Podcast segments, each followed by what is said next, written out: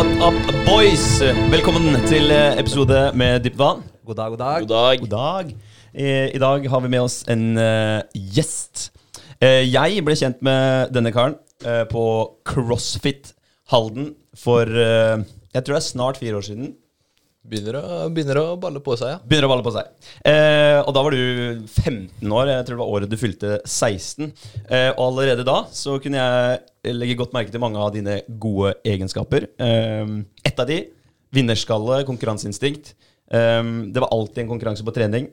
Eh, jeg og denne personen her som sitter sammen med oss, vi hadde noen eh, faste morgenrutiner en periode hvor vi hadde både lange og korte økter. Og på selv de lange øktene, 90 minutters eh, cardio på bestemte stasjoner, da, type eh, løping eller eh, sykkel eller ski, klarte vi å konkurrere. Så det er liksom Det skal være en rolig langkjøring, men det ble noen små konkurranser på slutten der òg. Så det er definitivt en egenskap.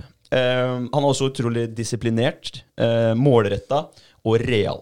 Og det er ingen tvil disiplinert og dedikert over 20 timer i uka på retta mot målet sitt. Og han er på god vei til målet sitt om å bli best i det han driver med. Og det er eh, crossfit, uh, functional fitness, uh, bli en all-around jævlig god atlet. Uh, på god vei fordi NM-gull junior er i boks. VM-sølv junior er i boks i fjor. Så det er ganske ferskt. Og så er han jo over i seniorkonkurransene nå. Så det er, eh, det er heftig. Eh, vi har snakket i det siste om at respekt skal fortjenes. Uansett hvem du er. Og du Christian Karrestad, som sitter her sammen med oss, du gjorde deg fortjent til min respekt fra første stund allerede som 15-åring. Velkommen til oss. Tusen takk. Tusen takk. Velkommen, ja. Ja, Veldig nice. kult at du kom. Det Ja, det. var kult. Ja. Imponerende. Bra altså, ja, veldig bra intro. Det er, er det noe du vil legge til på introen, eller følte du var dekkende? Nei, det var jo relativt dekkende. Jeg er jo, jeg er jo regjerende norgesmester i vektløfting òg. Hey. Eh, okay. men det, det er på en måte litt på siden.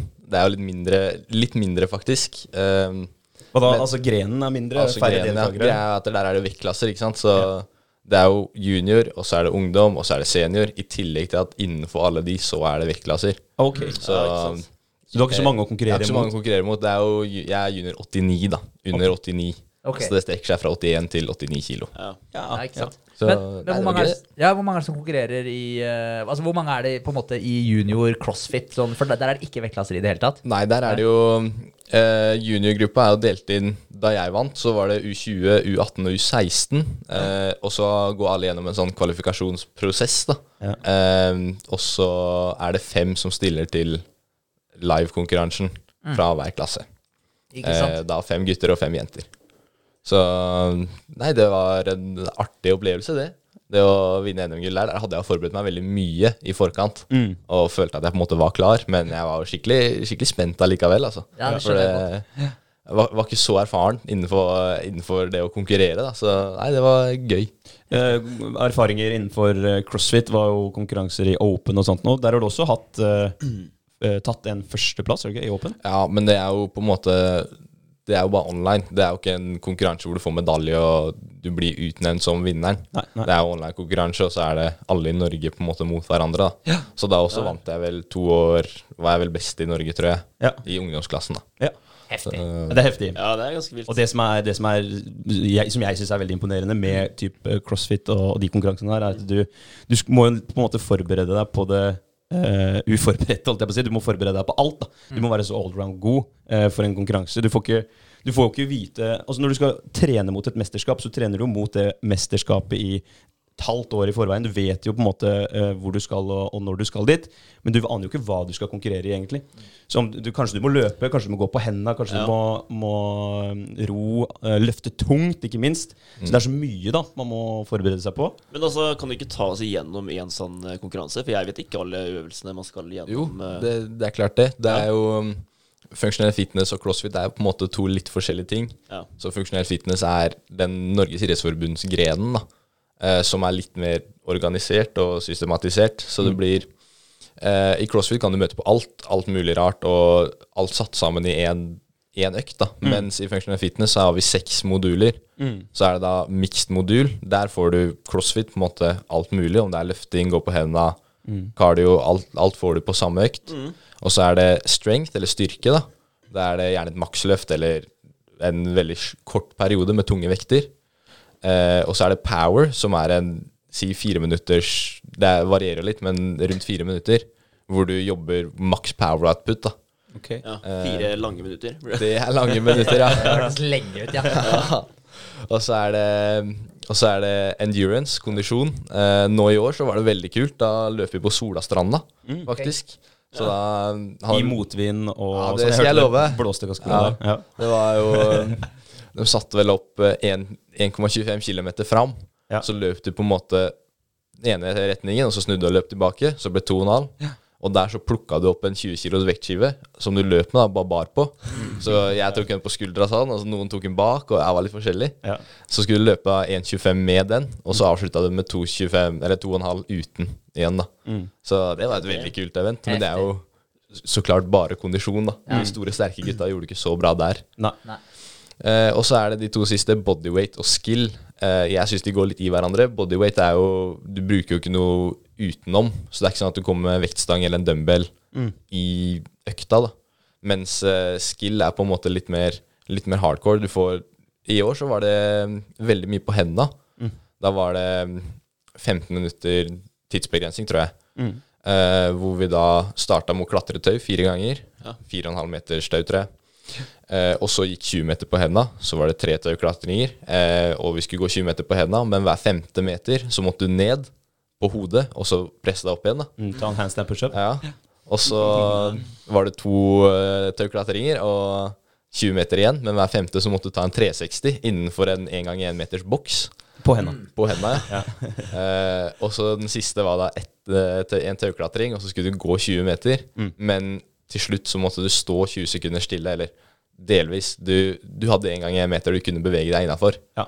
Og så, hvis du falt ned, så måtte du gå 10 meter tilbake, og så starte på nytt igjen. Og hele den 20 sekunders. Ja, unbroken 20 sekunder. Du kunne ikke akkumulere, liksom. Du kunne akkumulere den og måtte være unbroken. Aha. Heftig. Ja. Ja, altså, jeg har sett litt på, på CrossFit uh, på YouTube, for der legger de ut uh, disse eventene. Og det er faktisk en ekstremt publikumsvennlig sport. Overraskende gøy å se på. For dere starter jo ved siden av hverandre, og så er dere jo inne på en arena, typ. Det er vel typen sånn derre ja, innendørs bane, basketballbane eller hva det måtte være, som bare er gjort om. Stemmer. Ja, så, nei, så utrolig kult opplegg. Og CrossFit det er vel en eh, økende Ja.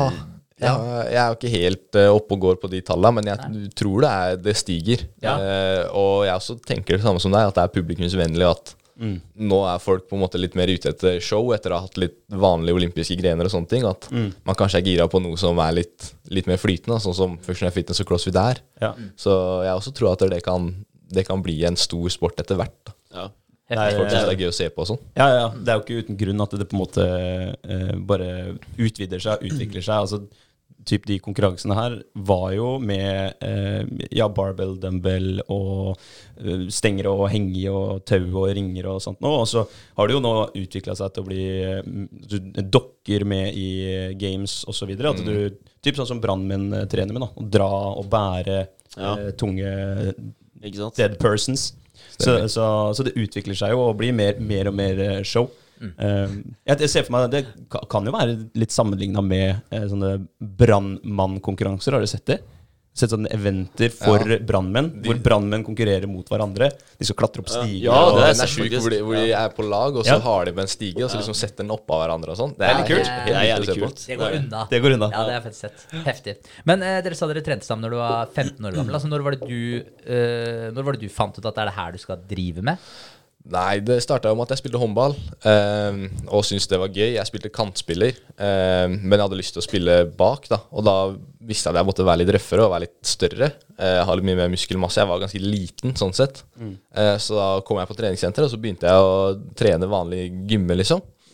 Eh, og så fikk de jo det senteret oppe på Brødløs, der hvor CrossFit også er. Eh, og da er det Magnar Fuglevik, en eh, gammel lærer på skolen, som eh, bare spurte meg om jeg hadde lyst til å være med på en økt. da Eh, og så ble jeg med og testa det ut, og syntes det var ganske gøy. Så endte jeg opp med å bli med søskenbarnet mitt og, og bli med han på treningsøktene hans, da, og bare syntes det var skikkelig artig. Og så ble gradvis overgang da til å slutte med håndball og bare drive med funksjonell fitness. Ja, for du er jo atletisk. Eh, altså, du har jo en idrettskropp. Eh, du har jo, og det er jo håndball, og så har du spilt litt fotball. Ja, det er alt mulig rart. Er, svømt har du vel. Og, Ja, jeg svømte jo Det er minimalt. Jeg svømte to-tre måneder, kanskje. Okay, ja, ja. Eh, men jeg drev med karate i flere år. Ja. Eh, orientering har jeg drevet med. Jeg har egentlig vært borti alt. Innebandy. Jeg har gjort mye. Så det er kanskje litt derfor òg jeg syns crossfit er gøy, fordi det er veldig mye. Mm. Det er så forskjellig hva du kan finne på. Da. Så Ja, ja. jeg tror det er også litt av grunnen til at jeg på en måte forelska meg i idretten. Ikke Ja. sant? Hvor, hvor lenge etter eh, du starta med crossfit-trening, var det du begynte å få øya opp for konkurranse og den biten her? Nei, det var jo Jeg fikk vite fra noen på gymmen at uh, det var kvalifisering til NM da, i functional fitness uh, for U20. Da var jeg vel 15, tror jeg. Mm, og så tenkte jeg ja, jeg kan jo bare bli med på den konkurransen. Da, og så ble jeg med på den online-greia. Det var fire økter, tror jeg. Um, og så kvalifiserte jeg meg på niendeplass, ni av ti. Eh, for da var det bare U20-klasse av ungdom. Eh, og tenkte at det her var jo det her var kult, nå må jeg trene meg opp til det. Og så Det var på en måte da vi hadde vår storhetstid, holdt jeg på å skulle sagt. Ja. Hvor vi trente, trente hardt på morgenen. Ja. Så var det da i september. Det her var vel på vårparten at det var kvalifisering. Og så i september så var det da NM. Så Det er ganske sykt, da, for du sier at eh, da var det bare U20. Så da er du 16 eh, og konkurrerer da med 19-åringer. Det skjer ganske mye på de tre åra der, altså. Sånn Ja, i kroppen. helt klart. Ja, ja. helt, helt klart. Det var jo Det var eh, Hva var det eventet? Det var et event med 100 kilos mark. Og jeg sto der og slet som bare juling med å dra den opp. Tror jeg fikk fem repetisjoner eller noe. Mens han fyren på sida av meg, svær sånn, han er islending egentlig, Ja. dunka ut 20-30 reps og syntes jeg var kjempelett. Ja. Så Men der hadde du fordel på andre grener igjen, da. jeg løp jo fra han på den Det var en, et event med litt løping og roing og burpees og litt diverse. Der gjorde jeg det jo ganske greit, tror jeg. Mm, Så, men jeg kom på sisteplass totalt. Så, Men det var en morsom, morsom opplevelse. Ja. Men åssen fungerer poengfordeling her, egentlig? Altså per øvelse? Det varierer litt. Noen konkurranser så er det som golf, at det på en måte er om å gjøre å få færrest poeng. da. Ehm, og at vinneren da får ett poeng, og så taperen får 100 poeng. Ehm, mens her så er det de som får mest poeng. Så i 2021, da jeg vant, så fikk man jo 100 poeng for seier, og så 80 poeng. 60, 40, 20. Ja. Så, også i åpen klasse, da, så er det Der skal jeg ikke uttale meg noe særlig, for der er det jo 40 deltakere. Men eh, der også vinner eh, vinneren 100 poeng, og så blir det vel 92, og så okay. går det sånn gradvis nedover. Ja. Så det er rett og slett bare på prestasjonen hvor du kommer i forhold til hverandre, og du får poeng eh, eh, utdeling ut ifra det. Ja. Ikke sant? Men uh, du vant uh, NM, eh, når var det? 2021? Ja, det var Ja, på det var høsten da. Ja, og VM. Det var på Ja, også høsten. Det var vel sent november. Siste er det november. Ja. var det. Ja. Så du tok begge de, altså begge de prestasjonene her innad i 2021? Stemmer. stemmer. Ja, utrolig kult. Så du rir litt på den bølga Ja. da? Nå, Ja, jeg gjør det. ja. Nå, det NM i år så var jeg jo voksen, men jeg, kunne, jeg kunne stille i U20 eh, i år og neste år. Men jeg tenkte at det var en god utfordring å på en måte prøve meg mot de store gutta. Det viste seg å være òg.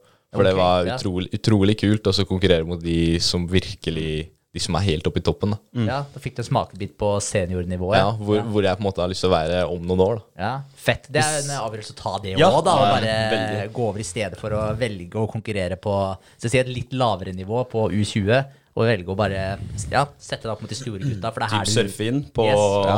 på lavere nivå. ja, for det er her du vet at det, det er her du skal ende opp uansett, så hvorfor ikke bare Mm. Ja, jeg, skal ikke si at, jeg skal ikke si at jeg hadde vunnet U20, men jeg følte at jeg hadde, hadde god kontroll. Da. Ja. Så da var det bedre å hoppe, hoppe opp dit, og så heller, heller bli banka litt helseløs, men også kunne vise meg fram. Da. Ikke sant? Så det var, det var gøy. Det er dritkult. Altså, det jeg liker veldig godt med det der òg, er jo at du virker ikke som at du er redd for å tape i det hele tatt. Hvordan ser du på det med å, å på en måte i anførselstegn tape? da? For du sa du fikk en tiendeplass eh, eh, første gang du ble med på den konkurransen også, og, og du eh, tenkte at det her var fett, og det her ville du fortsette med. Hvordan ser du på det å Nei, altså Det første året var jo veldig bare erfaringsmessig. At jeg bare dro og så tenkte at jeg bare blir med og ser om jeg kan gjøre det bra. Um, og da Det fuela jo bare at Det at jeg kom på sisteplass, fuela jo bare at jeg hadde lyst til å bli bedre de neste åra.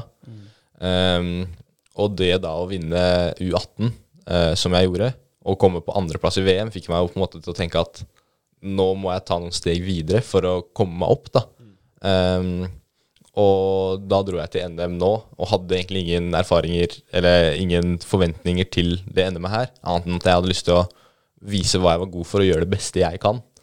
Um, så det var også det derfor jeg ikke var så redd for å tape. Uh, jeg fikk jo en, Det blir jo en sisteplass på et av eventene, og tenkte at det her har jeg ikke lyst til, det er jo ikke sånn jeg vil holde på. Nei. Så det også er jo da for å Hvor jeg skal ta treninga videre, da. Hva jeg skal forbedre, og hvor jeg skal jobbe. Du trives ikke på sisteplass? Jeg trives ikke på sisteplass. Jeg gjør ikke det. Nei. Ja, men det er greit å få den der i trynet innimellom også. Ja, du blir det- slått ned, som du sier. da Banka helseløs, og så må du reise deg. da Så utrolig kult. Og så, som du sier, da du menger deg med da de som er bedre, de, de beste. Og det har jo vi snakka mye om når vi har trent sammen nå. Det har vi jo. At uh, ja, du har vært bedre enn meg i ting, og jeg har vært bedre enn deg i ting. Og da er det alltid veldig fint å ha den måte, haren foran seg som kan dra litt. Rann.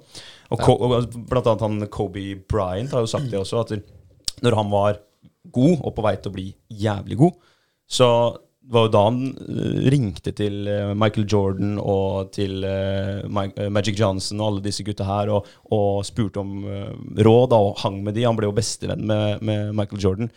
Og det samme med, med mentorordning for, for bedrifter også. Det er jo en grunn til at man snakker med folk som har, eh, har fått det til, og, og henge med de. Så det er jo Var det bevisst, liksom? Eller at du Ja, og det er også derfor jeg har, jeg har flytta til Oslo nå i år. Mm. Eh, og det er også derfor jeg flytta til Oslo sånn delvis. For å måtte trene med de beste. Det er der de beste oppholder seg. Eh, og se, bare det å komme på trening og se åssen de jobber mot måla sine hele tiden, det er utrolig inspirerende å på en måte se at det er andre som tenker akkurat det samme som meg. Eh, så ja, definitivt viktig også å trene med noen som er bedre enn deg, da. Ja. Og, og du har jo også som ref det nye året nå, da, 2022, så har du også eh, starta en bachelorgrad Ja, stemmer. eh, i Eh, trening, helse og prestasjon. helt riktig. Hvordan er det å kombinere altså, eh, bachelor kontra Altså bachelor og treningen din, da, som Mm. er såpass Den tar såpass mye tid av dagen din eh, nå kontra når du gikk på, på videregående? det, jeg syns egentlig det er lettere da, nå. Nå har jeg litt mer frihet. Jeg kan på en måte jobbe på egen hånd, og det er ikke så mye obligatorisk. Eh, samtidig som jeg det krever litt mer av meg, da, at jeg er nødt til å jobbe på når jeg har tid. Ja. Eh, men det er veldig lett å samkjøre. Og så er det jo treningssenter på skolen som er ganske bra. Det er jo rett ved Olympiatoppen, som jeg tenkte å kanskje dra, dra bort Pølle fra treninga. Han har jo han jobber jo der, sa at jeg kunne komme en tur. Og Han er i, i friidretten, er det ikke det? Pølle. Han er en uh, Pål André Solberg heter han. Ja, han er ganske kjent i, innenfor friidretten. Spydkast. Ja, ja. Han, er vel, han jobber vel på kraft- og styrkeavdelingen på Olympiatoppen, så det også er noe jeg har lyst til å, har lyst til å dra dit en gang. Da. Ja, kult. Så, men eh, helse, prestasjon, eh, trening, det er eh, Ja. bacheloren, og det passer jo bra med det du holder Det på med. passer bra. Det var derfor jeg tok det. og Jeg hadde lyst til å lære mer om hva jeg driver med selv. da På en måte hvordan, Litt mekanikken bak det, og fysikken bak det og sånne ting. Jeg syns jo det er litt spennende. Så det er jo derfor jeg i hovedsak tok det. Jeg har starta på den bachelorgraden. da Hvordan ser uka di ut i forhold til, altså, hvordan, i forhold til treninger, kosthold, eh, ja, skole som du nå går på, eh, helgene dine, altså generelt uka di? Altså, hvordan er det du legger opp eh, uka di? Ja, det er jo, det er jo trening mandag, tirsdag, onsdag. Og så er det aktiv, aktiv hviletrening, da, som svømming f.eks. på torsdager. Og så er det jo trening fredag, lørdag og helt hvile søndag. Så da er jeg som regel på crossfiten klokka åtte på morgenen. Åtte til ti, fordi det er gruppetimer fra seks til syv eller fem til syv eller et eller annet. Og da fra ti igjen. Eh, så da kan, vi, da kan jeg trene der, og det passer veldig bra med skolen. Så jeg slipper også å stå opp altfor tidlig og sånne ting òg. Eh, og så drar jeg som regel på skolen. Eh, drar hjem og spiser først, men så drar jeg på skolen. Eh, drar tilbake. Noen ganger rekker jeg å komme hjem for å lage meg mat før jeg drar på trening. Eller så blir det da ha med seg mat og dra rett på trening. Og så når jeg er ferdig på trening, så drar jeg hjem og lager middag. Altså. så blir Altså, du har to treninger i løpet av dagen? Ja, det er to treninger i løpet av dagen. Ja.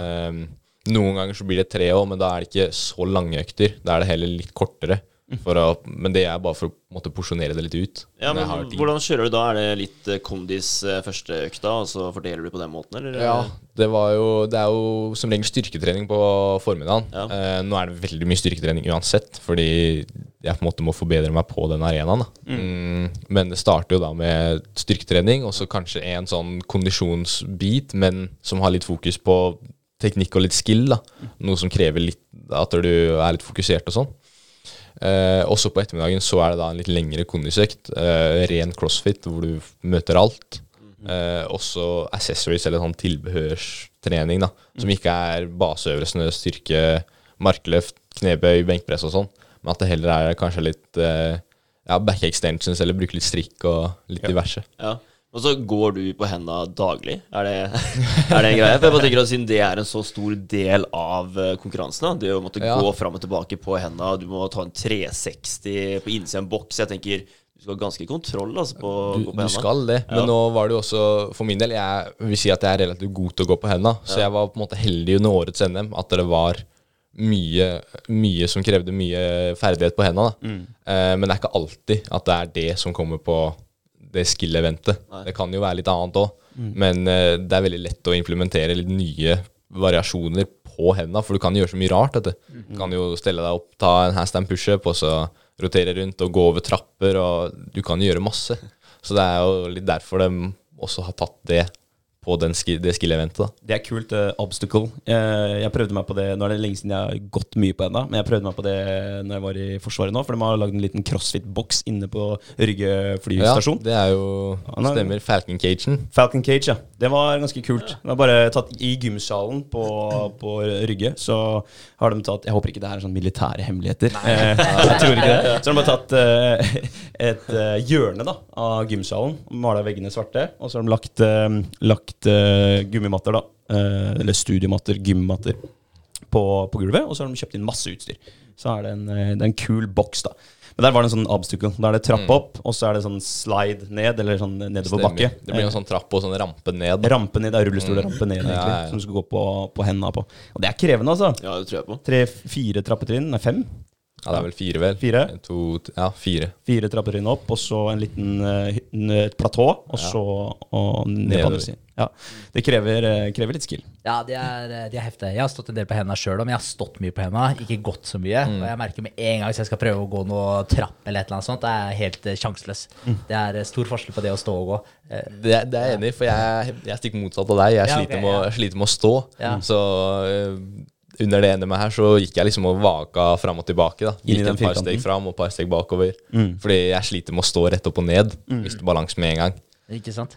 Men eh, det jeg er litt eh, nysgjerrig på, det er til altså, hvordan du legger opp eh, treningene. Altså, eh, sånn i forhold til Hvis du ser på Ser du på perioder? Altså Har du noen sånn type seksukersperioder hvor du kjører det opplegget her, og så varierer du også med tanke på repetisjoner og øvelser? Eller, altså, eller trener du typ eh, samme det, syklusene med type økter hele tiden? Eh, altså, altså hvordan, hvordan legger du opp det hvis du ser på Ser du på sånne type bolker og sånn, eller hvordan, Nei, gjør altså du det? nå Det er jo et program der som inne i Oslo som de fleste følger. Det er, Dere har kanskje hørt om Kristin Holte. Hun er jo Ja. Norges, Ja.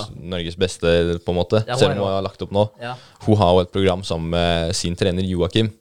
Mm, og det følger jeg. Det er et sånt generelt program som jeg på en måte har som base. Eh, og de har eh, De har forskjellige blokker. da Åtteukersblokker og tiukersblokker og seksukersblokker mm. Som på en måte er lagt opp til sesongen. Så jeg har det som en base, og så følger jeg da på siden. Hvor jeg Da skriver jeg selv. Jeg bytter ut bytter ut noen ting, eh, legger til ekstra.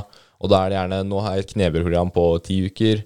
Og så litt- en markløftsyklus som også går over ti-tolv uker. Så ja, det blir på en måte litt sånn blokkvis, men eh, over hele offseason, i hvert fall for min del nå, så blir det ganske likt. Selv om, selv om mange av kondisjonsøktene er forskjellige, så er det jo Det går mye i det samme. Løfting, knebøy, markløft. For det, det er det jeg trenger, på en måte. Så det er, så det er, er det krigerprogram, eller? Ja, riktig. For du har, eh, du har litt forskjellige varianter. Man kan følge Wolfpack og Mm. kriger og ja, mange, mange maler da man kan følge og betale for og, og litt sånt noe.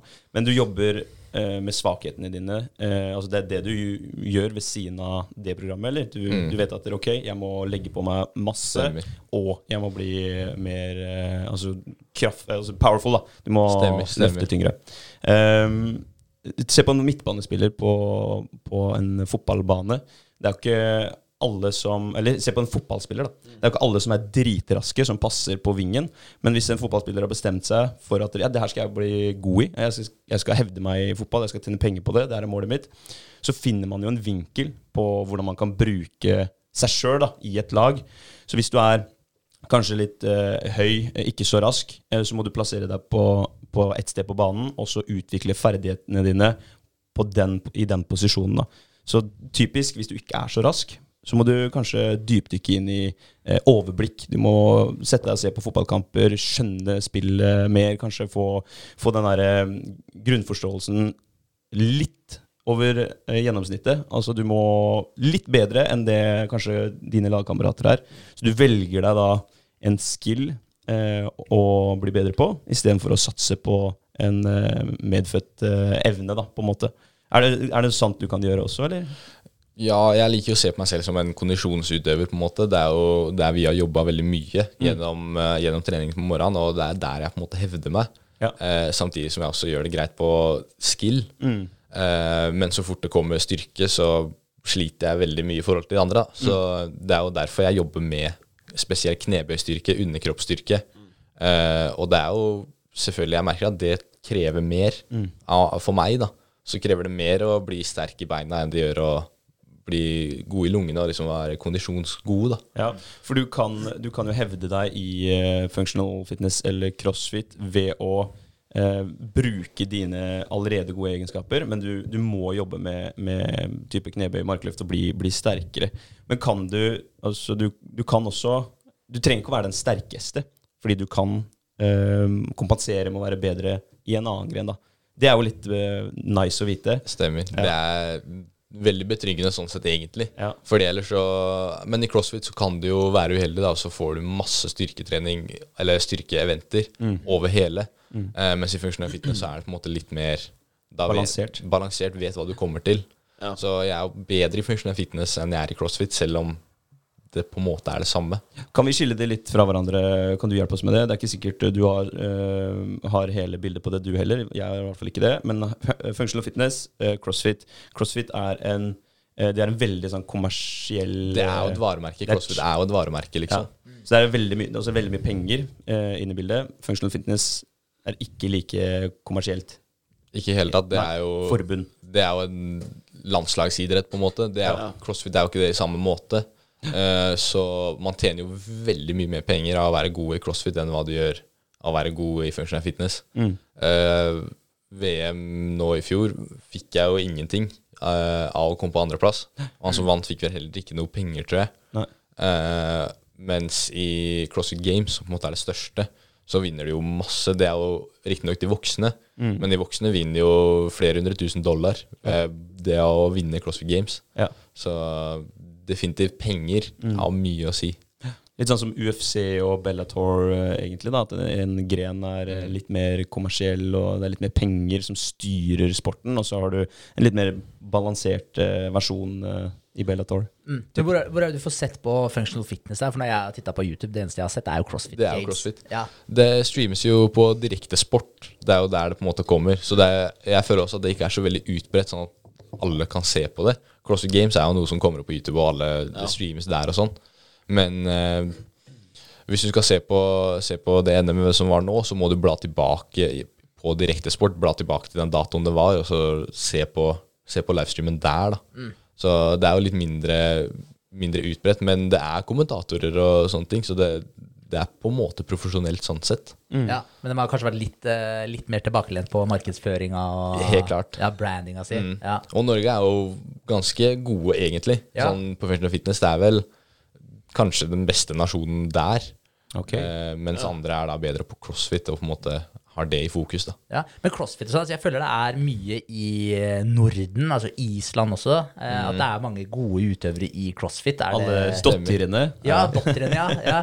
Så, Døtrene er gode. Døtrene er gode. Men eh, er det Hevder Norden seg og, og Island? Island er kanskje ikke med i Norden, nå ble jeg jævla usikker. Er det med i Norden? Jo, med i Norden, ikke Skandinavia. Ja, det er sånn det er. Så, Ja, godt vi har med en Ja, ja, det er- ung lovende her. Kommer rett fra skolebenken. ja. da.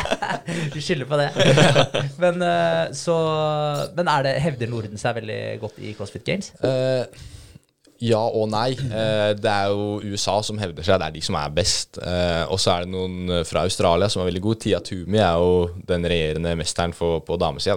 Fem ganger på rad eller et eller annet. Ja, hun er sett. Ja. Hun er jo fra Australia. Ehm, men så har vi jo Kristin Holte, som kom på andreplass. Eh, laget fra CrossFit Oslo kom på andreplass. Eh, så de kommer. Og vi er litt gode, og Norden er på en måte litt oppi der. Men det er for det meste amerikanere som hevder seg skikkelig, da. Ja. De har litt flere folk å ta av. Da. De har litt mer folk å ta av. Det- det. Det starta jo der. CrossFit Ja. starta jo Ja, i, i. Amerika, så det er liksom Ja. Der det på en måte har utbredt seg mest. da. Ja. Men, men eh, sånn eh, geografisk og demografisk så, så er det vel eh, noen statistikker på at finner og islendere og sånt nå er generelt sterkere av et eller annet med hardt arbeid opp igjennom, at man har måttet bruke kropp. og sånn. ja. Yes, at man har litt uh, andre kropper da, som er bygd for å bære, Ja. liksom. Det er eh, verdens sterkeste mann, det. Jeg kan islendere? Ja, ja Jo. han er vel det, ja. Og så har du noen uh, syke fra både Storbritannia og, og staten også. Ja, stemmer. Ja. det, det er litt spesielt. da. Man har jo noen fordeler, medfødte fødte fordeler ut ifra hvor du uh, er heldig å bli født, egentlig.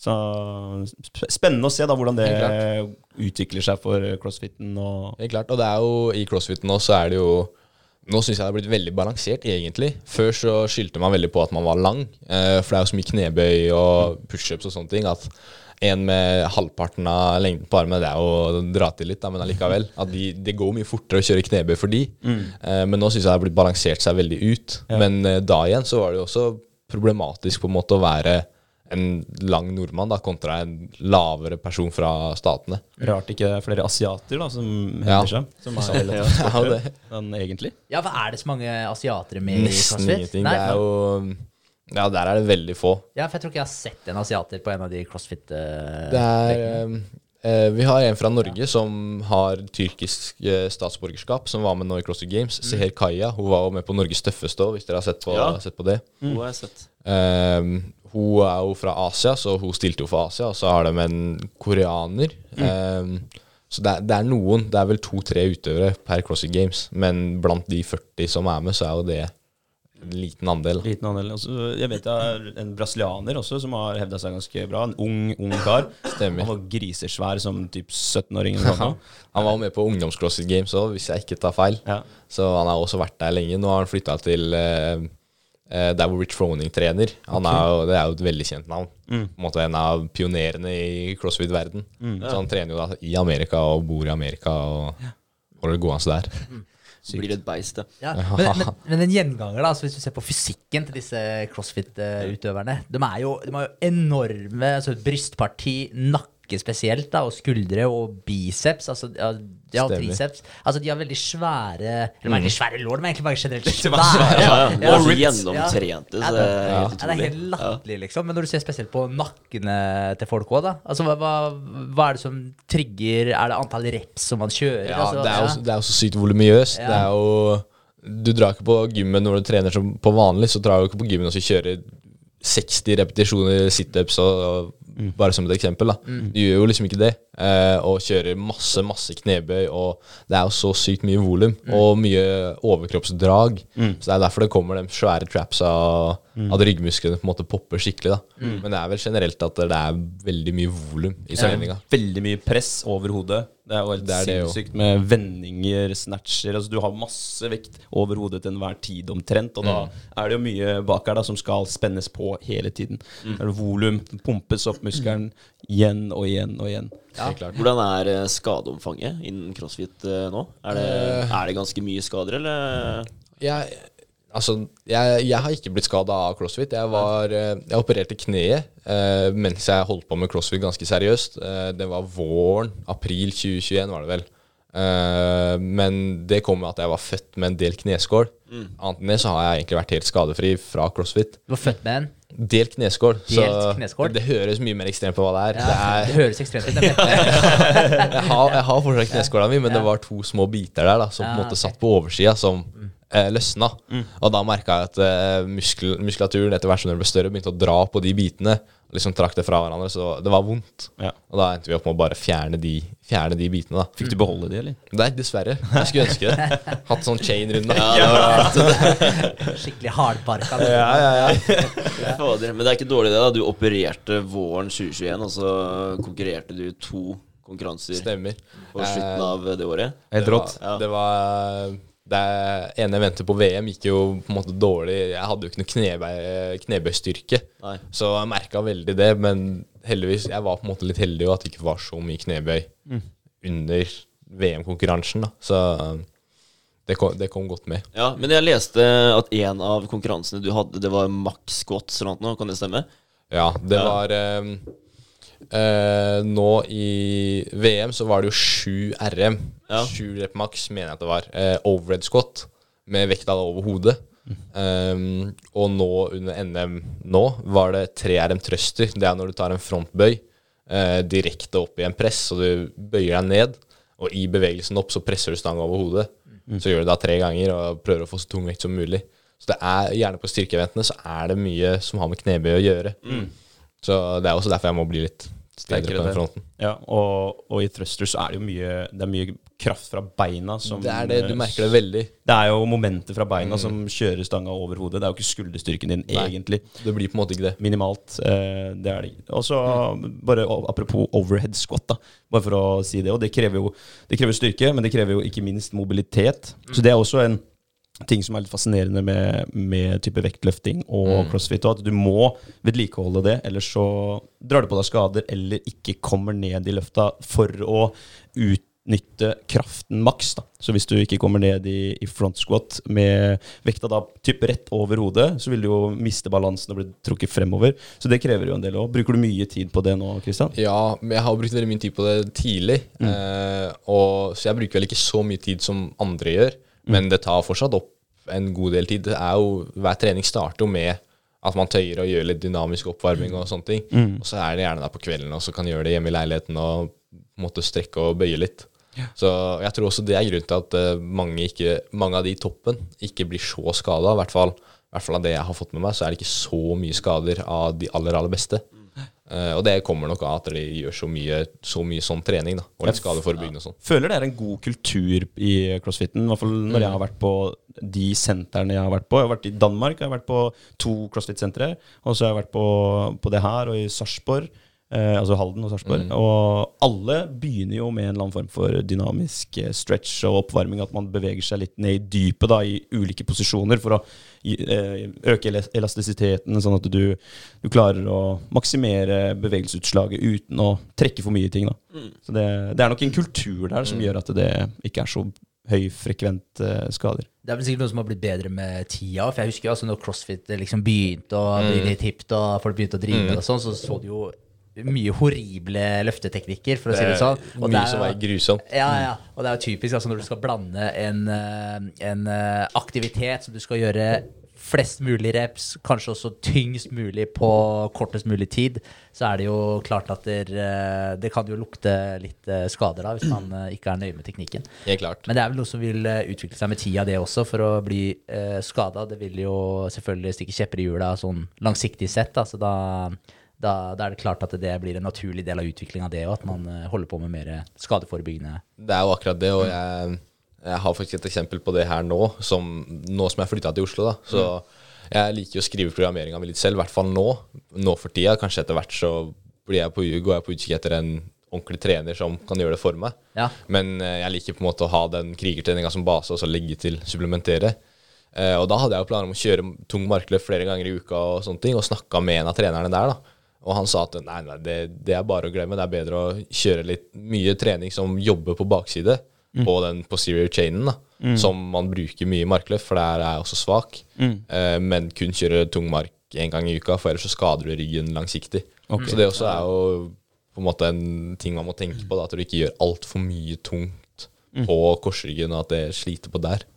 Men, men kriger, er det For jeg har sett hun, eh, eh, Kristin Holte. Hun har uh, hashtagga mye kriger og sånne greier. Altså, Er det hennes eh, Det er program? hennes stemmer. er Hennes det. og hennes trener. Ja, ikke sant? Uh, så de har på en måte starta det da, nå etter at hun la opp. Og det, de er utrolig, utrolig flinke. Heftig. Men har hun, kjører hun trener og sånn nå, eller har egen uh, type egen gym og sånn hun holder på, eller? Ja, hun er jo på? CrossFit Oslo, Ja. uh, der hvor jeg også trener. Ja. Um, og hun trener jo ikke så mye lenger nå. Jeg tror hun har veldig fullt opplegg med, med at hun går, drar rundt og så er på sånne camper, og at eh, hun på en måte er trener for andre. da. Eh, ikke at hun er en personlig trener til så veldig mange, tror jeg, men at hun bare drar rundt og Ja, holder type hold- eh, holder workshops type- ja, eh, workshops. Det er mye sånt. Ja. Um, så hun har, hun har lagt opp definitivt. Ja. Men eh, ikke Hun jobber jo sikkert mer enn noen gang. Med, mye mer enn hva hun noen gang har gjort nå. Ja.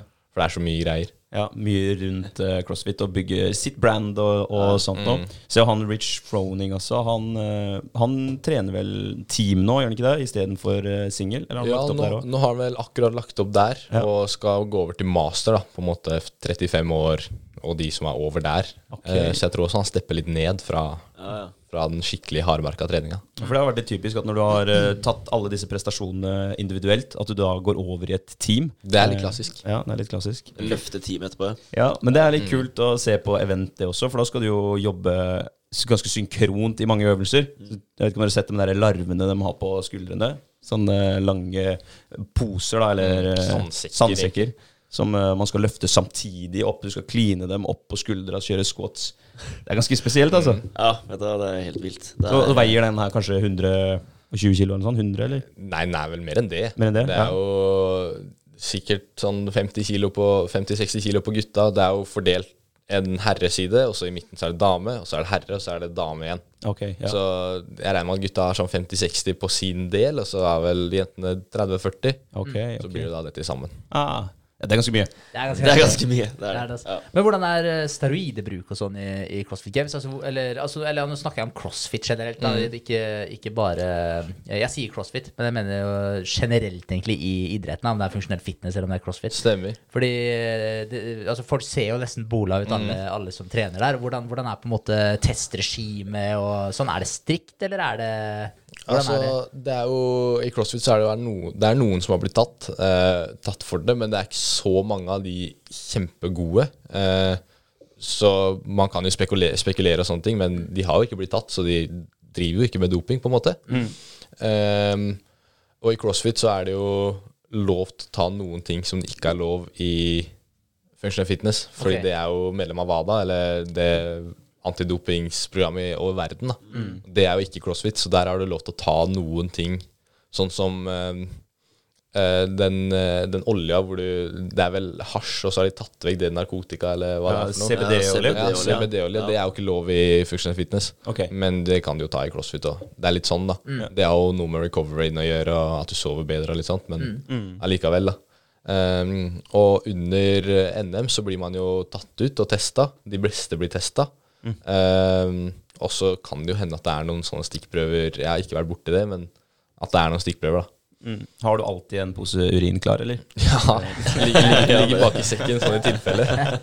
Deilig. Det er bra. Eh, I forhold til eh, nå som du skal over eh, Eller du har egentlig gått over til senior. Altså Hvordan ser du på den eh, forskjellen nå framover? Da? For nå skal du begynne å konkurrere på senior. Det er det du kommer til å konkurrere på framover? Eller Stemmer. kommer du til å være med på ja, Nei, på det, U20, det det, blir nok veldig mye senior. Ja. Hvor stor er overgangen der fra U20 til senior? Jeg, jeg syns den er helt ekstrem. Det er den rå mannstyrken de har, det, er, det er noe helt annet. Mm. Det å på en måte ligge kanskje Under U20 år så lå jeg kanskje litt bak de sterkeste, men her så er det jo et kjempehakk opp. Og det er jo det som går gjennom på alle øktene, at de på en måte er brutalt sterke. Selv om jeg på en måte kan matche dem, eller nesten matche de beste, sånn uh, delvis i hvert fall, på noe der hvor jeg er god, uh, så kommer det noe som har noe med styrke å gjøre, så så tar de det jo, fordi de, de er så mye sterkere. Da. Du har jo det der begrepet voksenmannsstyrken. Ja. Det er, det er et eller annet med det. Altså. Det er det der, altså. Jeg, jeg føler at jeg fortsatt er en liten gutt, på en måte, i, i den eh, når jeg konkurrerer mot de der. Ja, ikke sant. Men i forhold til målsetninger og sånn, da har du eh, Altså hvor konkrete målsetninger har du? Har du noe sånn treårsplan, femårsplan, tiårsplan? Det er jo Langsiktig så har jeg lyst til å vinne CrossFit Games, det er Ja. jo, men det er jo på en måte målet til alle ambisiøse CrossFit-utøvere. Um, og så har jeg jo gjerne litt kortere mål. Sånn mot slutten av året så har jeg lyst til å sette 110 i snatch, og at det er 165 i knebøy og litt sånn, da. Eh, og så etter hvert så har jeg lyst til å hevde meg på nasjonalt nivå, og etter hvert i Europa. og så være i CrossFit Games og ha, vise at jeg har noe å gjøre der. da. Hva er første målet sånn konkurransemessig? Ja? Er det Jeg har lyst til å komme topp 10 i NM Functional fitness. Ja, uh, i senior. På, I senior, ja. Kom på 15.-plass nå. Oh, ja. Så eh, jeg har lyst til å komme opp dit. Men jeg har på en måte mer målsetning om å bli sterk på uh, Så jeg kan bruke det i en konkurranse. Jeg vil heller, jeg vil heller ha bare 15.-plasser på alle eventene enn at jeg på en måte får en andreplass og en 38.-plass, liksom, som jeg nå fikk. da Ja. At det er så stort sprik, så vil jeg heller at det skal jevnes ut. Ja. Så jeg blir en jevnt bedre utøver, og det er det jeg jobber mot. ja. Så bra. Høres veldig fornuftig Ja, ut. det gjør det. Det gjør det.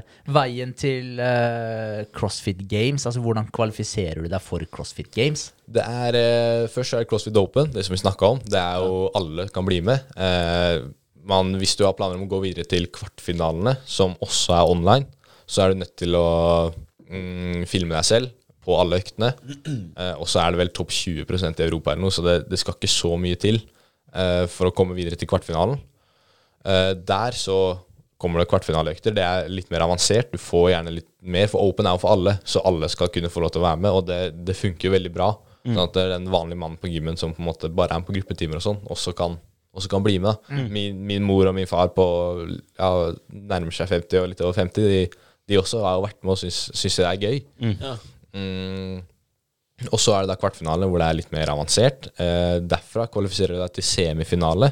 Da er det jo regionalt. Det er, en, eh, det er to i Europa, og så er det vel fire i Amerika. Og så.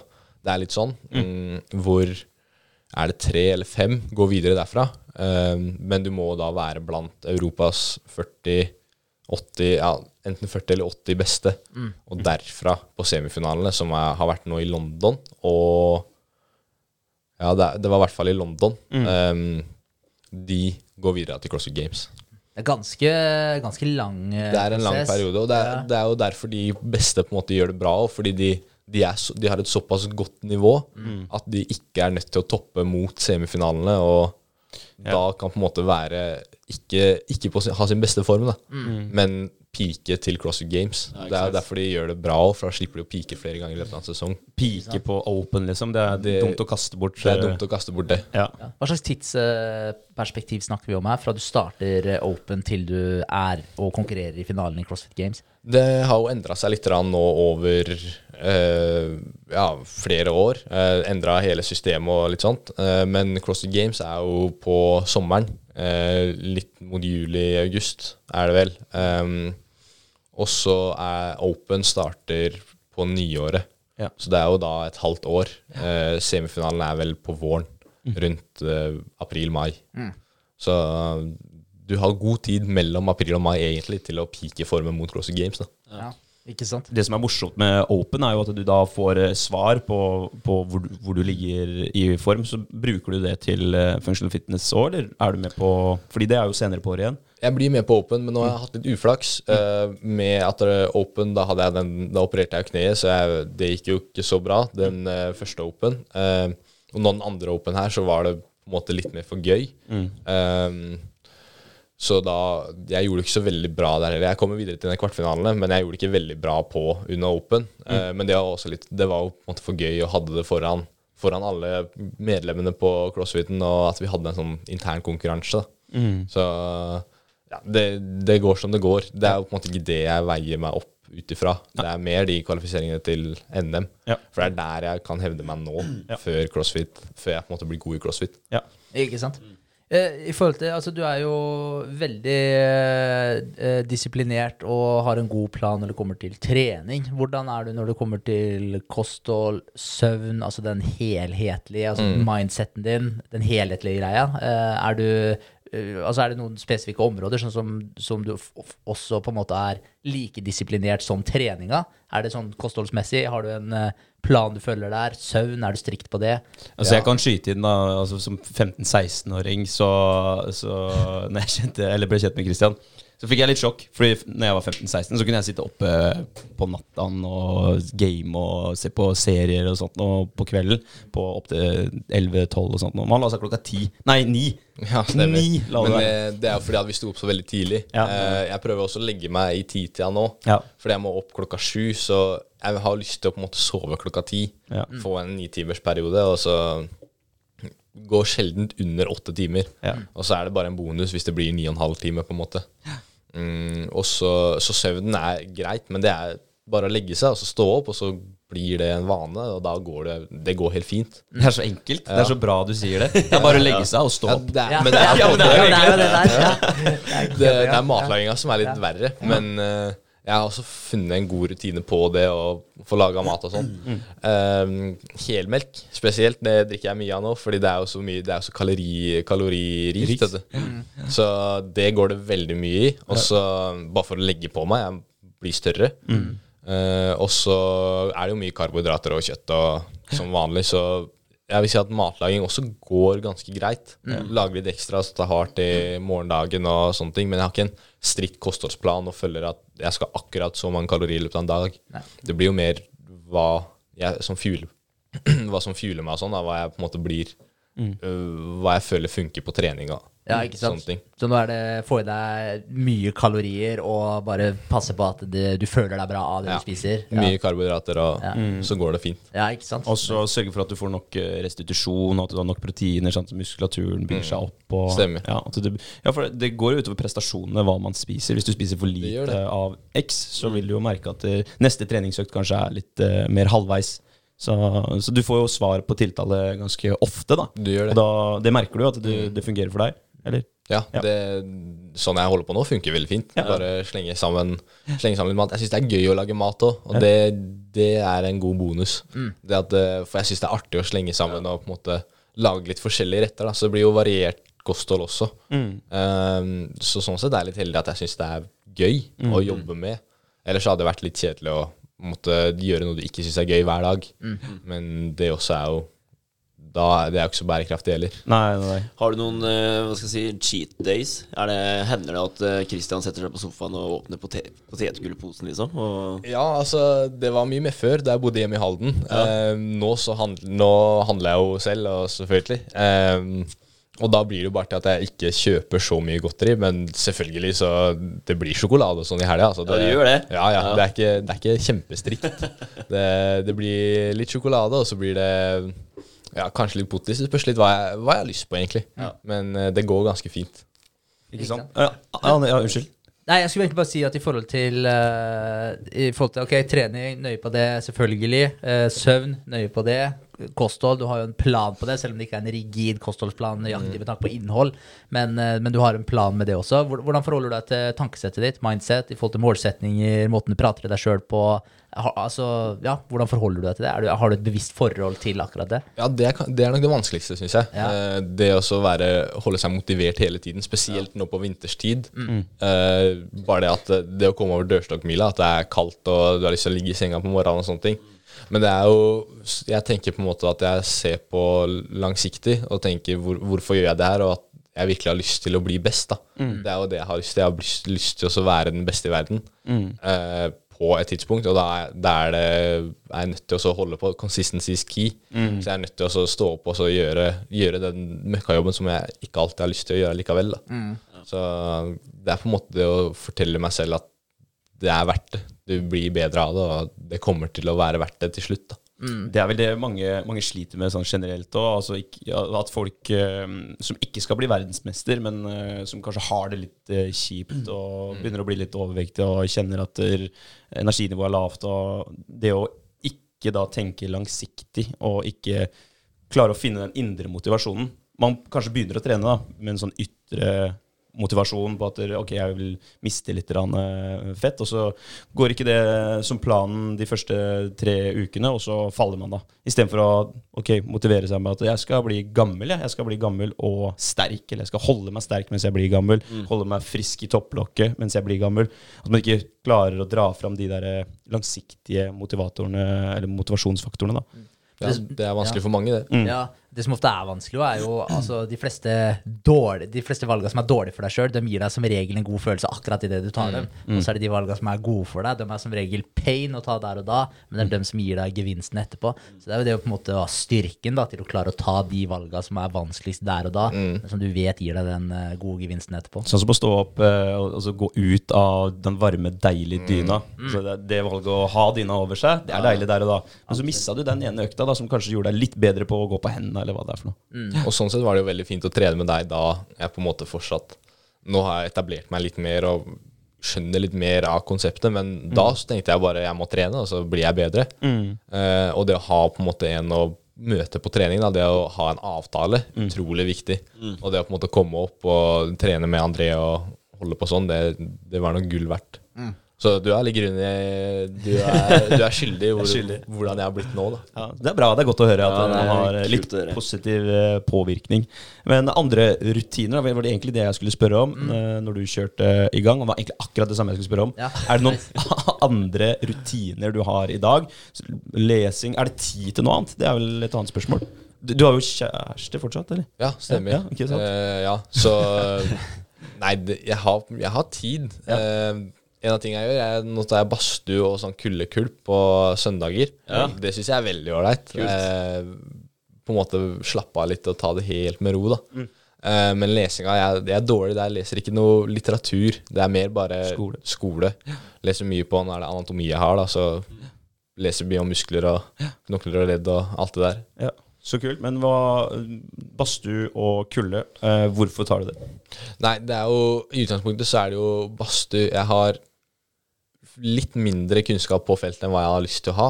Men eh, jeg har fått med meg at eh, recovery-prosessen blir bedre av varmebehandling. Da. Eh, og det at eh, du ikke burde kjøre kulde i sammenheng med trening. Fordi du, du spiker jo recoveryen veldig fort. Du kommer henter deg igjen veldig fort, men du kommer bare til et visst nivå. Okay. Eh, mens med varmebehandling så går det saktere opp til et høyere toppnivå. Da. Ja. Så du blir Du får bedre recovery av varme, selv om det tar lengre tid. Og Det er derfor man driver med kulde under konkurranser og sånne ting. Altså Man ser de profesjonelle fotballspillerne og alt mulig som setter seg i en sånn iskulp. da Fordi du henter deg igjen så fort. Ikke sant? Det er jo det de gjør i CrossFit Games òg.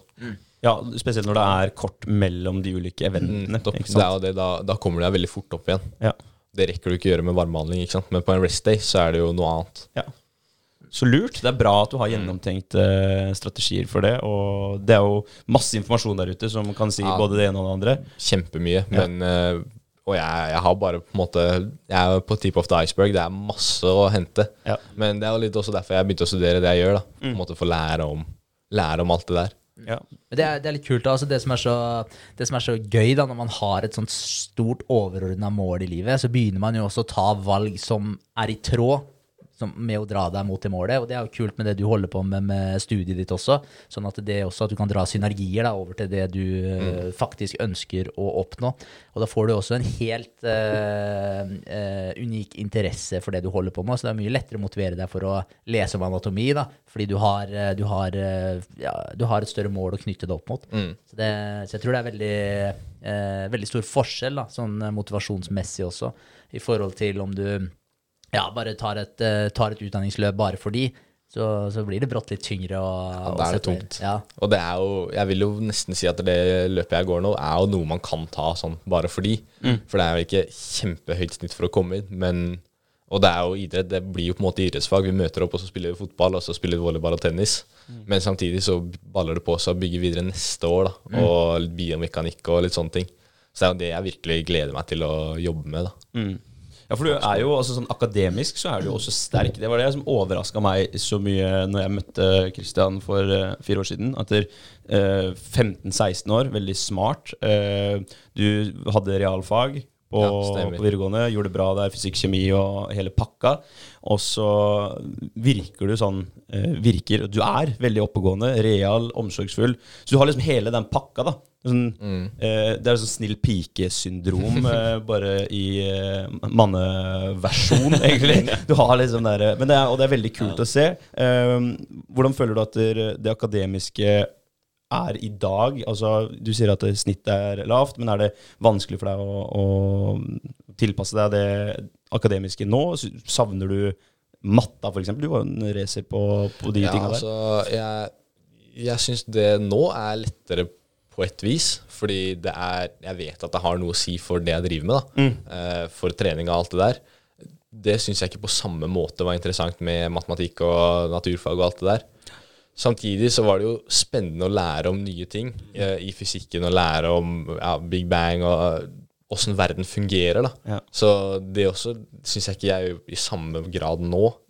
Eh, nå er det veldig, veldig idrettsspesifikt. Um, og så er det jo det, det at du er nødt til å komme deg på skolebenken på egen hånd. Da. Du, det er ikke noen som drar deg opp av senga, du må gjøre det på egen hånd. Og Mm. Heldigvis så har jeg fått noen kamerater på skolen som vi kan jobbe sammen og på en måte jobber med anatomi, som er et tungt fag. Um, men det går, det går ganske greit. Det gjør det. Men det er, det er noe som er tungt, og noe som er litt lettere. Mm. Hvordan er eh, i forhold til studiekamerater og sånn, er det flere som også er innen eh, crossfit, som, eller, ja, som trener eh, funksjonell fitness? Sier du at du trener crossfit, eller sier du at du trener funksjonell fitness? Nei, jeg sier jo at jeg, jeg trener, Trener crossfit? trener crossfit. Ja, ok, ja. Så, men da- For enkelhetens skyld, eller? Ja. Ja, altså, det er jo det jeg trener. Det er jo der, det, det er der jeg vil bli best etter hvert. Så. Ja, ikke sant. Men uh, er det flere av studiekameratene dine også som trener crossfit, eller er du på én arena når du er uh, under studiene, og så er du på en helt annen enn når du er, uh, trener crossfit? Nei, altså det er jo Jeg har en kamerat året over meg på samme studie som jeg har vært med å konkurrere litt med og sånne ting. som da driver med crossfit. Og så har jeg også en i klassen som driver med crossfit. Men ingen av de som jeg på en måte har blitt god kamerat med nå, holder på med det samme. Så de, men de syns det er spennende å høre om og lære om og erfare hva jeg driver med. Så det, men eh, det er nok litt crossfit ute og går på Norges idrettshøgskole også. Eh, for det er jo en voksen idrett, og at folk driver med det litt på si, det, det er nok ikke veldig rart å, å gå ut ifra det. Mm. Eh, Jeg tenker litt på, på det du gjør, da, og det du skal bli best på. Det er ganske, det er ganske omfattende.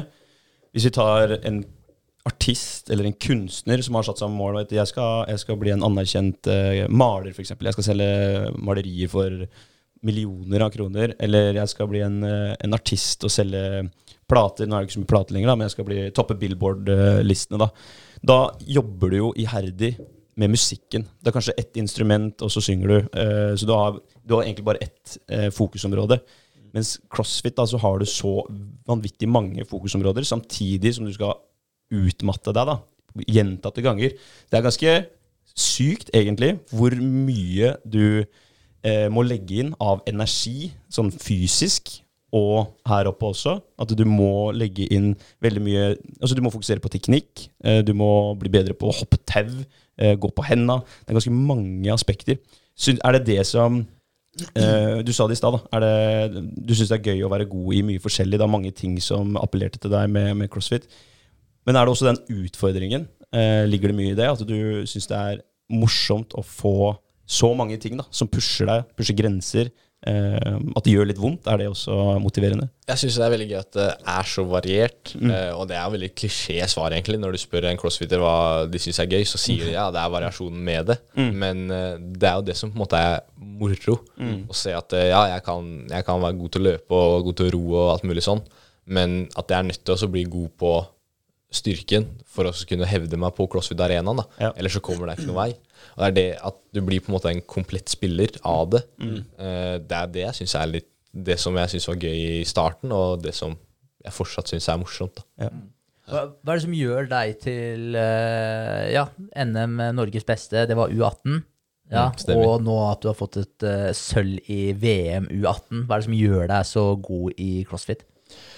Eh, nei, rent der jeg er god på funksjonell fitness-området, er jo at jeg har god kondisjon, eh, og så er jeg god på skill-økter eh, og god med kroppsvekt. Eh, og så samtidig så funker jeg under det som er miks, da. Eh, samtidig, men så faller jeg litt gjennom på power og styrke, men ikke så mye at det har en forskjell på det resultatet til slutt. da. Så det er der jeg på en måte er god. Men er det bare flaks at du, har, at du er god i det du er god på?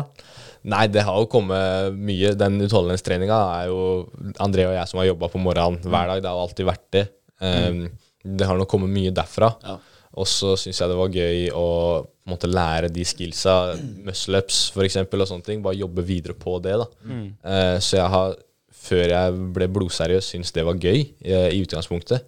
Og nå så er det da å jobbe videre på styrken som jeg ikke syns var så gøy da, men jeg ser at målet til slutt krever det, og at det jeg da syns er gøy, å jobbe mot det jeg har lyst til å få til. da. Ja, Det er veldig bra at du klarer å motivere deg for å jobbe på svakhetene dine. Jeg tenker at Det blir jo veldig tydelig i eh, CrossFit Games. Eh, når du har disse individuelle øvelsene, så blir det jo veldig tydelig hva du er dårlig på.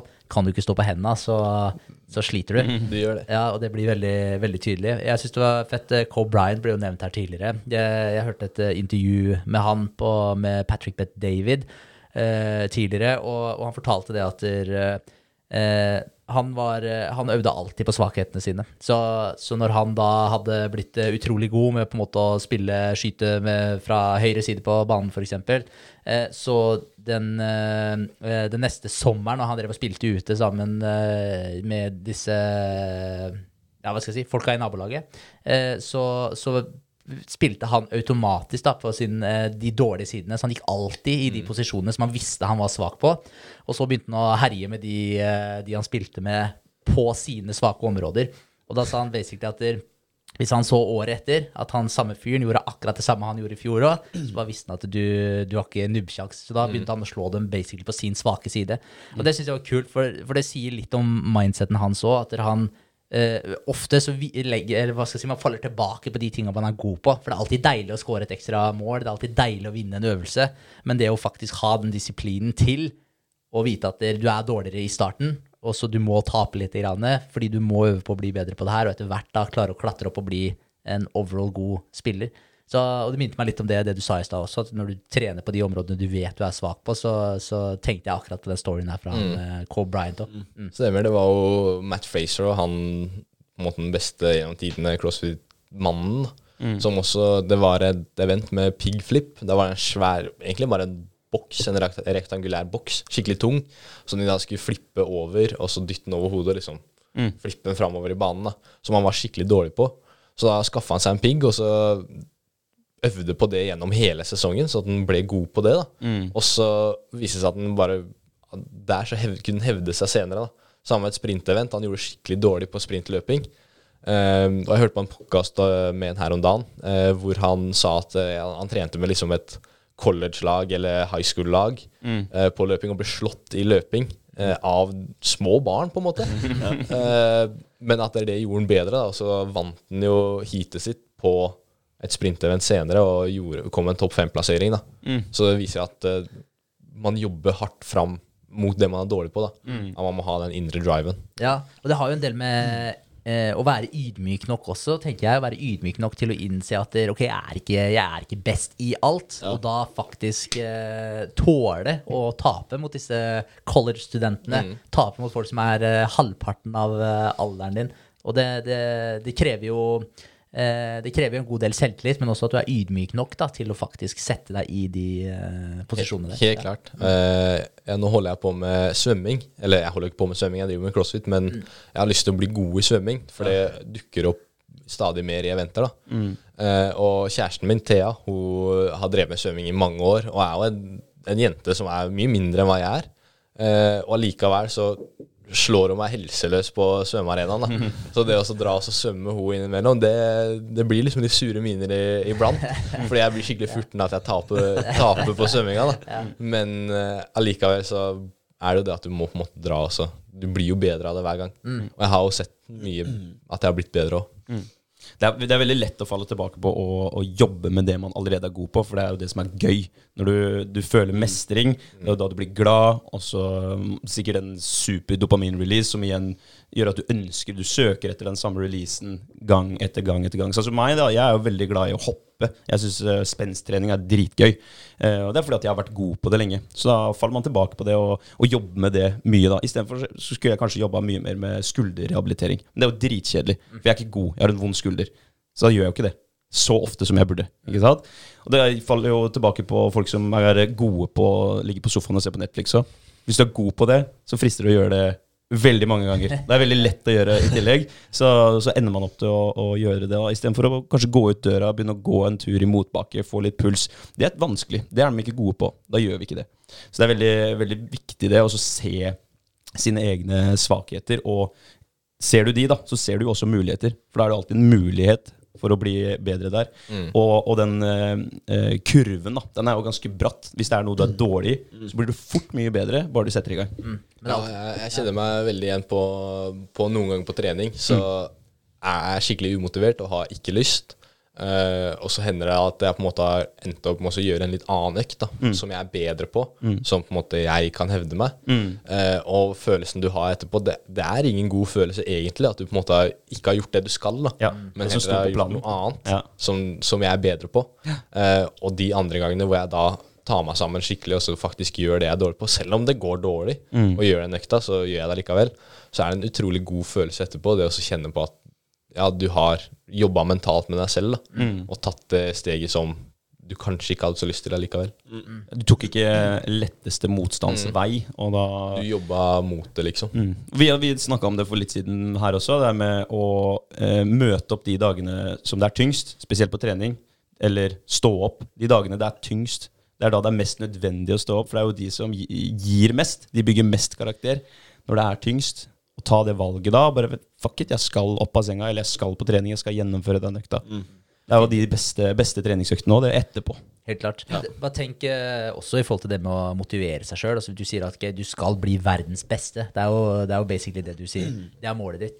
Da må du faktisk tenke også det at alle andre der ute som også har det som mål, hvis de står opp den morgenen som du ligger der og Nei, fuck it, da føler jeg ikke for det. Mm. Du kan banne på at det er en eller annen av de største konkurrentene dine som eh, er oppe den morgenen og trener og biter tenna sammen. Mm. Og bare tenker klart. på det også, så ja. Det er jo mange som har ambisjoner om å bli verdens beste, så det er jo, du jobber jo mot mange. Mm. Så er det jo bare det å ha den lille edgen hele tiden. da. Sove, sove godt, spise godt og så gjøre alt det du må. Ja, for det er den der akkumuleringseffekten jeg tror det er så sinnssykt viktig. i forhold til mm. det å bare være konsekvent. Så ok, Kanskje du ikke har verdens beste økt hver eneste gang, men, men, hvis du faktisk møter opp, og du gjør det litt og litt hele veien Akkurat det. Så, ja, så resultatene dine, da, ett år fram i tid, fem år fram i tid, ti år fram i tid, kommer til å være helt insane mm. hvis du faktisk bare gjør det du har satt, eh, sagt at du skal gjøre.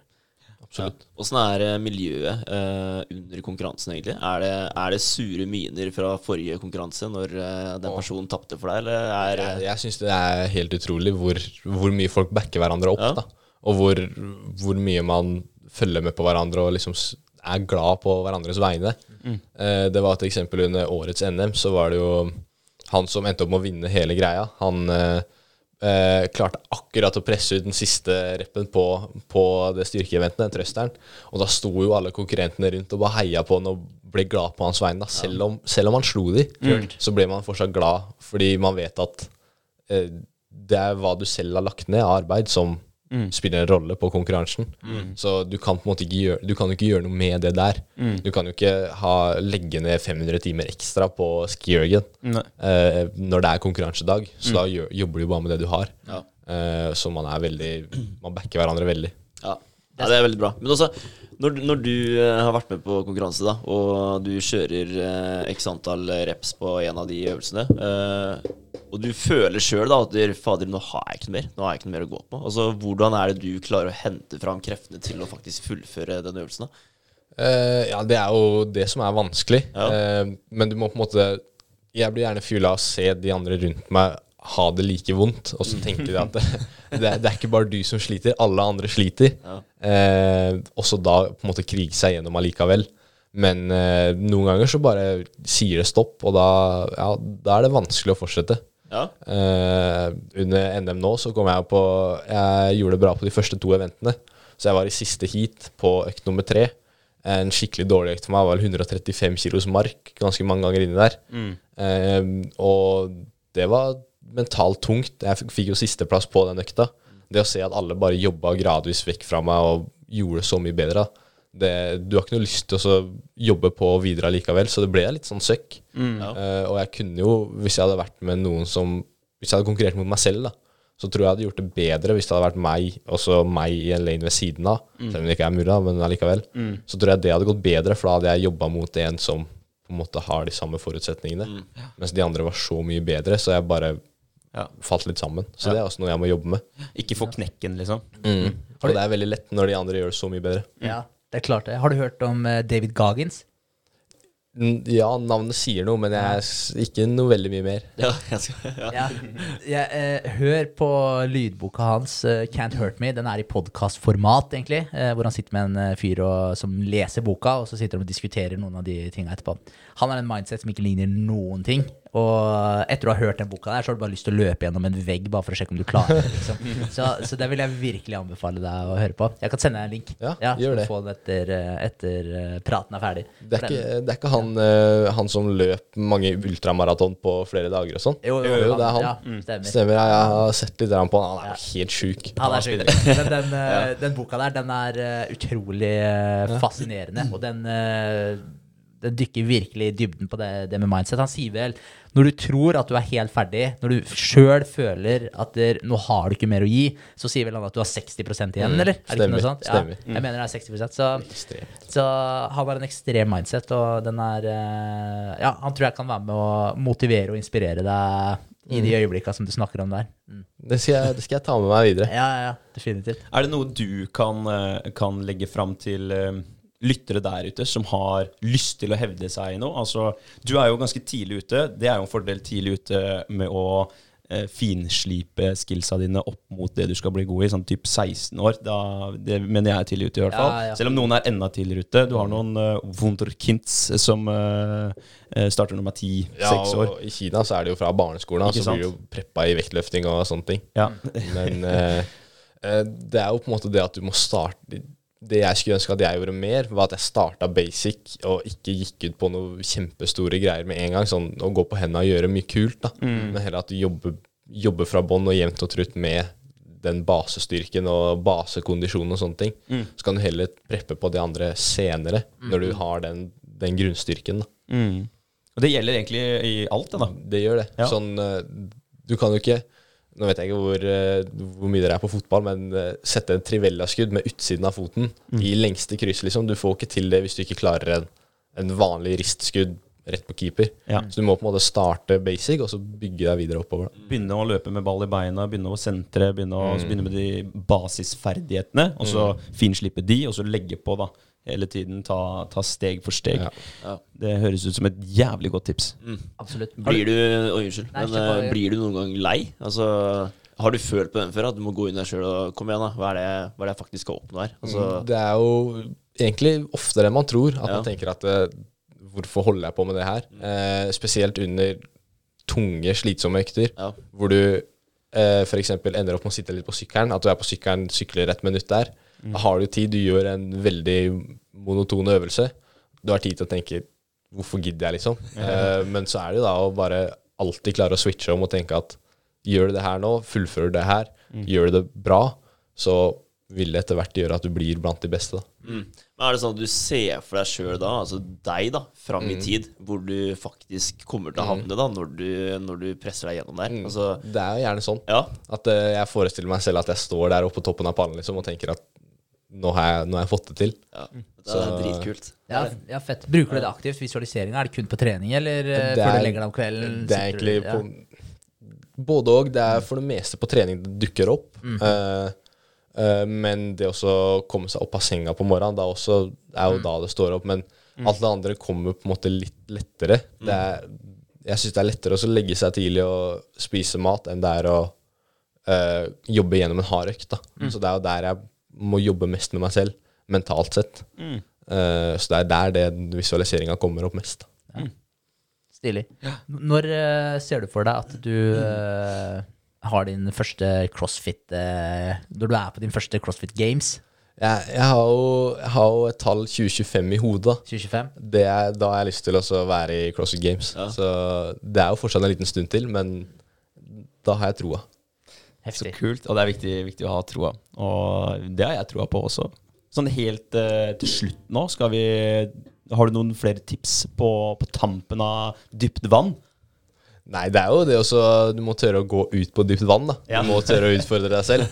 Og Det er jo sikkert mye av det som ligger bak den podkasten her. Og at, eh, jeg husker jo du fortalte om da jeg starta podkasten, at man går ut på dypt vann på noe man ikke er så komfortabel med. Ja. Og det er det man bør gjøre hele tiden. At du må prøve ut nye ting og tørre å være litt ukomfortabel. da Tørre å være ukomfortabel. Det er, eh, det er viktig. For eh, under oppveksten eh, til veldig mange, spesielt kanskje den generasjonen som har vokst opp nå, og er i 15-16-åra, eh, så er det mye bobleplast rundt eh, disse menneskene. Så man blir skjerma, det er triggere overalt som man skal beskyttes for, og, og sånt noe. Så jeg, jeg tror og håper og føler at vi er inne i et skifte nå. At det, det har vært ganske mye fokus på det, at vi er litt skjerma. Triggerne er der. at vi de barna som, som kommer til verden nå, da, at det, det er et lite skifte der. At vi kanskje kan utsette de for litt mer, mer av alt enn en den eh, generasjon, ungdomsgenerasjonen som vokser opp nå. Så det er et veldig, veldig godt tips. Tørre å være ukomfortabel, og tørre å ba la barna sine være litt ukomfortable også. Og ikke alltid sy puter under armene på, på de. Mm. Og det er vel også få ting som er kanskje mer eh, ukomfortabelt også, enn å sette et så skyhøyt mål som det, som det du åpenbart har gjort. For det er, eh, det er jo veldig mange som eh, har veldig mye meninger der ute. Og det å faktisk stå inne for et så stort mål, når da jeg tipper du har veldig mange støttende venner og familie rundt deg, kjæresten din. Men det er også veldig mange som ikke er støttende på sånne ting. Jeg tror man er delusional når man har eh, så store mål. Nei, jeg tenker at du, du må på en måte sette den målsettinga. Du må personlig tenker jeg at må gå ut hardt, fordi det er jo det jeg har lyst til. Og det å på en måte vise at ja, sette det ut der, at det, ja, det har jeg lyst til å få til. Jeg tenker at det egentlig er viktig. Helt, eh, helt enig med deg. Eh, Det er et eh, viktig i anførselstegn første steg. fordi hvis du ikke har den målsettinga der, så har du jo ikke hele driven som skal dra deg dit heller. Da. Og det å si det utad også viser jo i hvert fall at du står for det, og det er også med å eh, skape en driv mot, eh, mot det målet.